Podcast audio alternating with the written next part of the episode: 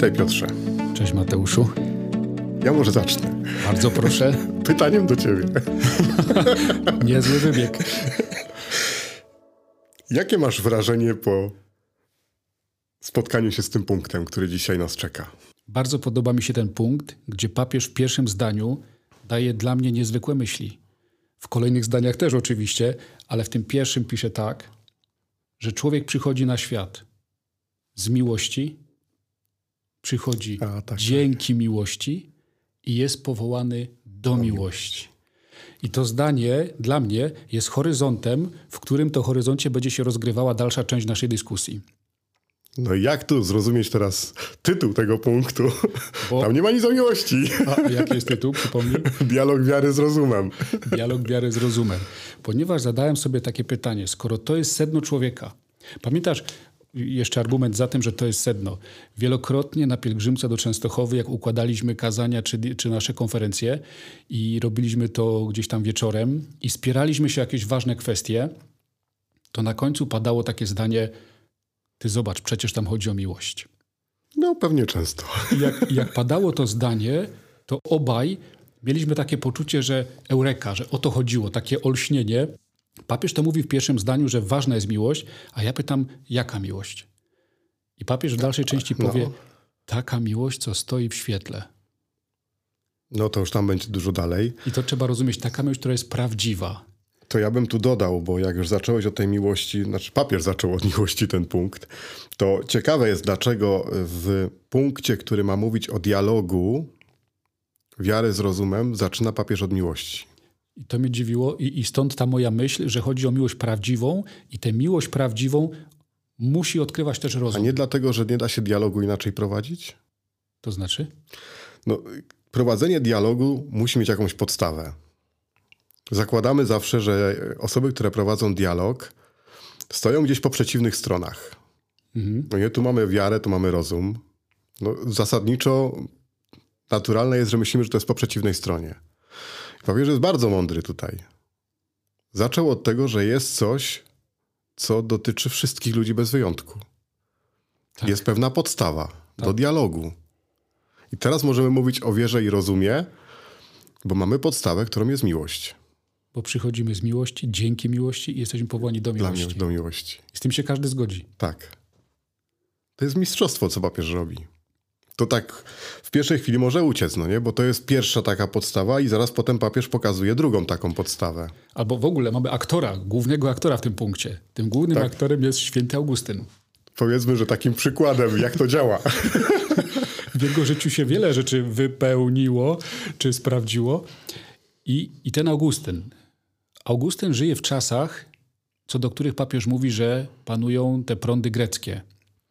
Te takie greckie nastawienie do poznawania świata. No filozofia się wtedy rodzi. Taka jest prawda. To jest czas, kiedy jest rozkwit filozofii, kiedy filozofia staje się takim sposobem na y, wyższą formę życia, bym powiedział. Że filozof to jest ten, który próbuje prześwietlić świat, w którym żyje, odpowiedzieć na najgłębsze pytania. Cały czas szuka prawdy świata, który go otacza. Nie? To, jest, to jest to, w czym wzrasta Augustyn. W takiej kulturze, No i papież też nas uczy w tej encyklice trudnych słówek, bo mówi, że Augustyn spotyka się z neoplatonizmem. tak. To może krótka powtórka z platonizmu. No właśnie, z neoplatonizmu czy z platonizmu? Zacznijmy od Platona. Bądźmy u źródeł, czyli u Platona. Będzie bezpieczniej. Co mówił Platon? Platon próbował zrozumieć świat, w którym żyjemy i yy, no jemu się wiele rzeczy mieszało. Czy z jednej strony ważna dla niego była miłość. Każdy, kto czytał ucztę Platona, to dobrze o tym wie. Ale z drugiej strony na przykład cały czas miał problem z tym, że człowiek jest ograniczony. Ale na czym polega to ograniczenie? Że my nie widzimy jak gdyby źródła, tylko widzimy coś, co jest cieniem. Co nam się jawi? To jest taki najbardziej znany symbol, którego używa e, Platon, czyli jaskinia Platona, no nie? My widzimy cienie, czyli za nami jest światło, które świeci, a my widzimy tylko coś, co jest taką pozostałością po tym. No i w takiej kulturze wyrasta Augustyn właśnie. I Augustyn sięga do tego porównania i Augustyn tak spotyka wiarę i to poszukiwanie odpowiedzi, jak działa świat. Nawet szerzej. Augustyn to jest osoba, która się próbuje rozerwać między dwie rzeczywistości. Z jednej strony ma tą kulturę grecką, w której wyrósł, Tak. y, której jest częścią, bo przecież jest mówcą, więc jest osobą, która no, zna się na tym, Jest wykształcony. jest wykształcony. I tutaj ma y, tą wizję właśnie platońską y, światła, które oświetla świat, w którym żyjemy, a z drugiej strony nagle spotyka chrześcijaństwo, któremu przynosi coś głębszego i które skupia się nie na tym, co widzimy, tak jak kultura grecka, tylko na tym, co słyszymy, na słowie. A, a zarazem po, odpowiada na pytanie, co jest źródłem tego światła, dzięki któremu te cienie się na tej obrazowej jaskini tam jawią. Tak. I dlatego właśnie Augustyn jest genialną osobą, która może zobrazować ten dialog. Bo w tym chrześcijaństwie on odkrył źródło tego światła. Dokładnie. I teraz stąd się rodzi coś, co Augustyn nazywa filozofią światła. I doczytałem to, co to znaczy ta filozofia światła. Augustyn uważa, że człowiek sam z natury, ze swojej materii, ze swojego istnienia nie jest w stanie poznać Boga. Musi doświadczyć takiej iluminacji, takiego oświecenia, i to jest taka łaska, że my możemy poznawać Boga. Nie tylko, żebyś tu herezji nie powiedział. Bo w Piśmie Świętym jest, że człowiek o sile rozumu jest w stanie poznać, że istnieje Bóg. A Augustyn twierdził, że to jest dar. No nie, bo tu trzeba dobrze zrozumieć Augustyna. On nie skreślił rozumu, który może y, poznawać Boga, tylko on pokazał, że rozum, który spotyka się z światem, który nas otacza, może powiedzieć: Istnieje Bóg, ale poznać go może dopiero dzięki łasce Pana Boga. Kiedyś się spotkałem z takim czymś, że to, co rozum poznaje o Bogu, to jest tak małe, że praktycznie nieważne. Bolesna, prawda? że dopiero objawienie, no nie? Ta miłość Pana Boga jest w stanie sprawić w człowieku, że on pozna coś więcej. I z tą iluminacją to jest tak, bo sprawdziłem w Wikipedii, tam można sporo poczytać na ten temat, jak Augustyn to poznanie Myślałem, że człowieka, spytałeś czata GPT. jak, jak człowiek może poznawać Boga. I tam na końcu to, to jedno zdanie chcę zacytować, bo to jest dla mnie kwintesencja. Studia teoretyczno-filozoficzne mogą przygotować człowieka do kontaktu z Bogiem, lecz jedynie życie duchowe może go na to poznanie otworzyć. Dokładnie. To zdanie jest dla mnie genialne. I, I ktoś to inaczej mówi, że nawet szatan dobrze zna Pismo Święte, O, to cytuję. Piśmie Świętym. ale, ale nie idzie za tym słowem. Tak, i to jest coś, co jest bardzo znamienne. I to jest coś, czego doświadczył Augustyn, i dlatego go tu papież przywołuje. No to jak mamy tego Augustyna, który robi nam ten dialog między greckim łaknieniem prawdy, łaknieniem wiedzy, a między poznaniem Boga, jakie on miał doświadczenie, no to jak się rozpoczęła ta przygoda Augustyna z wiarą, ze słowem? Od słowa. Bo papież tam fajnie mówi, że Augustyn nie miał objawienia, Nie. nie miał jakichś ochów, achów, Spotkał się ze słowem, z listami świętego Pawła, po prostu. czyli, Padła zastos- mu do ręki książka. O tak byśmy powiedzieli dzisiaj. czyli zastosował tę technikę grecką. Po prostu wziął i próbował rozumieć i tak doszedł do poznania Boga. No i tu się mu trochę nie zgadzało, no nie? Bo y, kultura grecka opierała się na widzeniu. A on spotkał się ze słowem. Nie widzi Boga, Tak. a Bóg do niego mówi. Nie, bo tam jest w ogóle w historii Augusta to weź i czytaj. Tak. No nie, to jest tak, jakby ktoś stanął za tobą, ty go nie widzisz i szeptał ci do ucha. Weź i czytaj. I zadałem sobie pytanie, co on przeczytał. Bo papież tam mówi, No. co, co, co No. Augustyn otworzył. Wiedziałeś o tym? No, powiedz. To się doskonale wpisuje w naszą rozmowę. Otworzył rozdział 13 listu do Rzymian. Tak. I teraz rozdział 13 listu do Rzymian ma dwie części. Część pierwszą, posłuszeństwo wobec władzy świeckiej i część drugą. Wydaje mi się, że chodzi papieżowi o tę część drugą, zatytułowaną Chrześcijanin dzieckiem światłości. I tam jest: Nie bądźcie nic nikomu dłużni poza wzajemną miłością. Tak.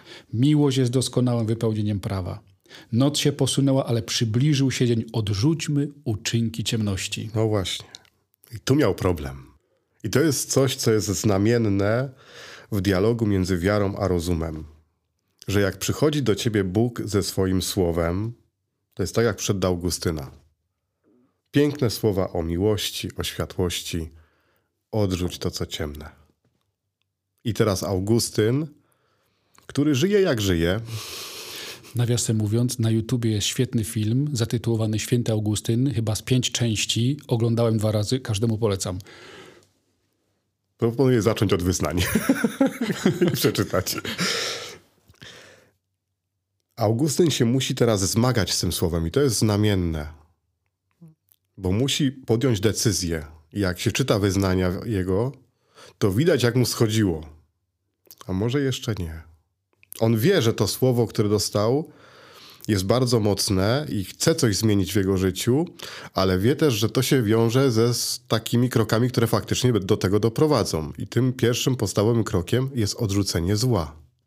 Odrzucenie uczynków, które się sprzeciwiają Bożej Światło. wizji świata. Światłu, czyli temu, co jest dobre. To tak na początku mówiłem, tej miłości, która stoi w świetle. Tak.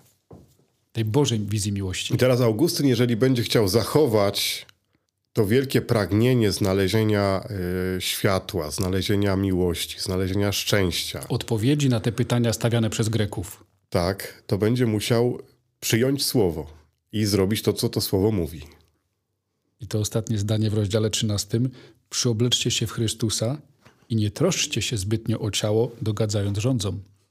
No nie miał prostołop. Naprawdę, bo to jest wydarzenie, no nie? Bo to my to tak dzisiaj może czytając to sobie tak lekko możemy potraktować, ale dla Augustyna to było wydarzenie, bo to było tak jakby ktoś miał poukładaną swoją wizję życia. Przecież Augustyn nie był wtedy jakimś młodziankiem, no nie? On już miał trochę lat. No, święta Monika jest świętą dlatego, że mu wyprosiła nawrócenie. I prosiła długo. I prosiła długo. Była bardzo cierpliwą matką w tym. No nie? I teraz w to się wdziera słowo, któremu wywraca to życie do góry nogami. I to jest piękne, bo to pokazuje, że dialog między wiarą a rozumem, oparty na miłości, jest w stanie wybrać prawdę.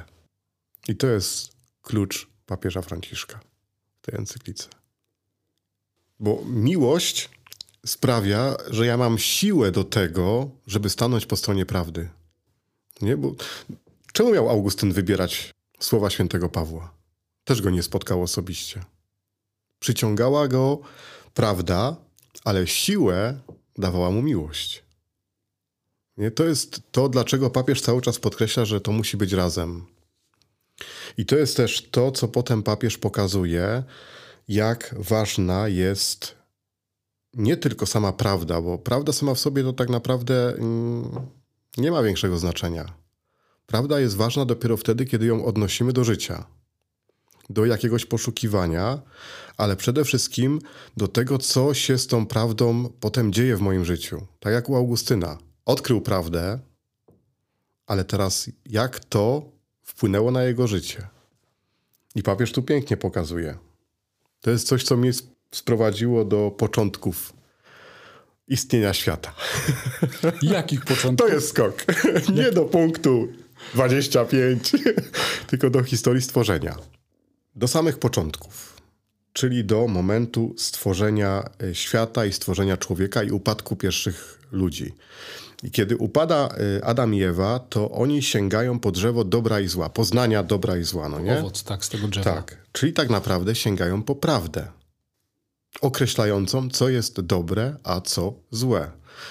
I teraz Augustyn to jest człowiek, który odkrywa Ewangelię jako źródło prawdy, mówiące mu, co jest dobre, a co złe, i mało tego, mówiące mu, jak chcesz żyć w świetle, które tak kochasz, którego tak szukasz, i tak szukasz, to musisz wybrać to, co jest źródłem światła, a nie to, co jest źródłem ciemności. Musisz wybrać dobro, a nie zło. Mało tego, musisz odrzucić zło, które już wybrałeś. I stąd myślę, że papież potem przechodzi do takich naszych czasów i pytania o to, czy możemy mówić, że jesteśmy właścicielami prawdy? Czy tak jak tam papież mówi, że to prawda nas posiada? Bo to jest zupełnie odwrócenie czegoś, co dzisiaj jest takie naturalne, że ktoś powie, że ma swoją prawdę. Papież to ujmuje w niesamowicie trafnych słowach. Pisze tak ciekawie: Wierzący nie jest arogancki. Przeciwnie, prawda daje mu pokorę, bo on wie, że nie on posiada prawdę, ale że to prawda bierze nas w posiadanie. Tak, i to jest mistrzostwo. Naprawdę, bo to jest poukładanie wszystkiego tak, jak powinno być. Czyli, że to, co jest dobre i złe, nie zależy od mojej własnej prawdy, tylko jest mi dane. Odwołując od się, kogoś, kto się na tym zna. odwołując się do Twojego obrazu, to w tym momencie jest to drzewo poznania dobra i zła i jest ta wy- wyciągnięta ręka i ten moment wyciągniętej, brzydko powiem, łapy, żebym ja sobie decydował, co jest dobre, a co złe, to Augustyn przeżywa to jakby na odwrót. Augustyn sobie uświadamia, że nie muszę tego zrywać, to Bóg mi to daje. Tak. Wystarczy wziąć i czytać. Na tym tak naprawdę polega cały ten dialog e, wiary i rozumu. Że rozum próbuje, że tak powiem, o własnych siłach trochę odnaleźć się w tym świecie. Czasem błądząc zaczyna samemu decydować, co jest dobre i złe, no bo nie ma jak inaczej. A z drugiej strony przychodzi wiara z światłem, którym jest Pan Bóg, z miłością, którą niesie e, Bóg w tym świetle. I teraz to światło Pana Boga mówi mu, po co? Po co się Po męczyć? co się męczysz? Po co? po co? To ta reklama, po co się męczysz? Pan Bóg troszkę cię wyręczy. No, Pan Bóg cię wyręczy, dokładnie. Pan Bóg cię wyręczy. I to jest coś, co myślę właśnie w tym cytacie, co czytałeś tutaj z papieża, jest y, no, sensem tego punktu. To też jest ten trzynasty rozdział, który czyta Augustyn.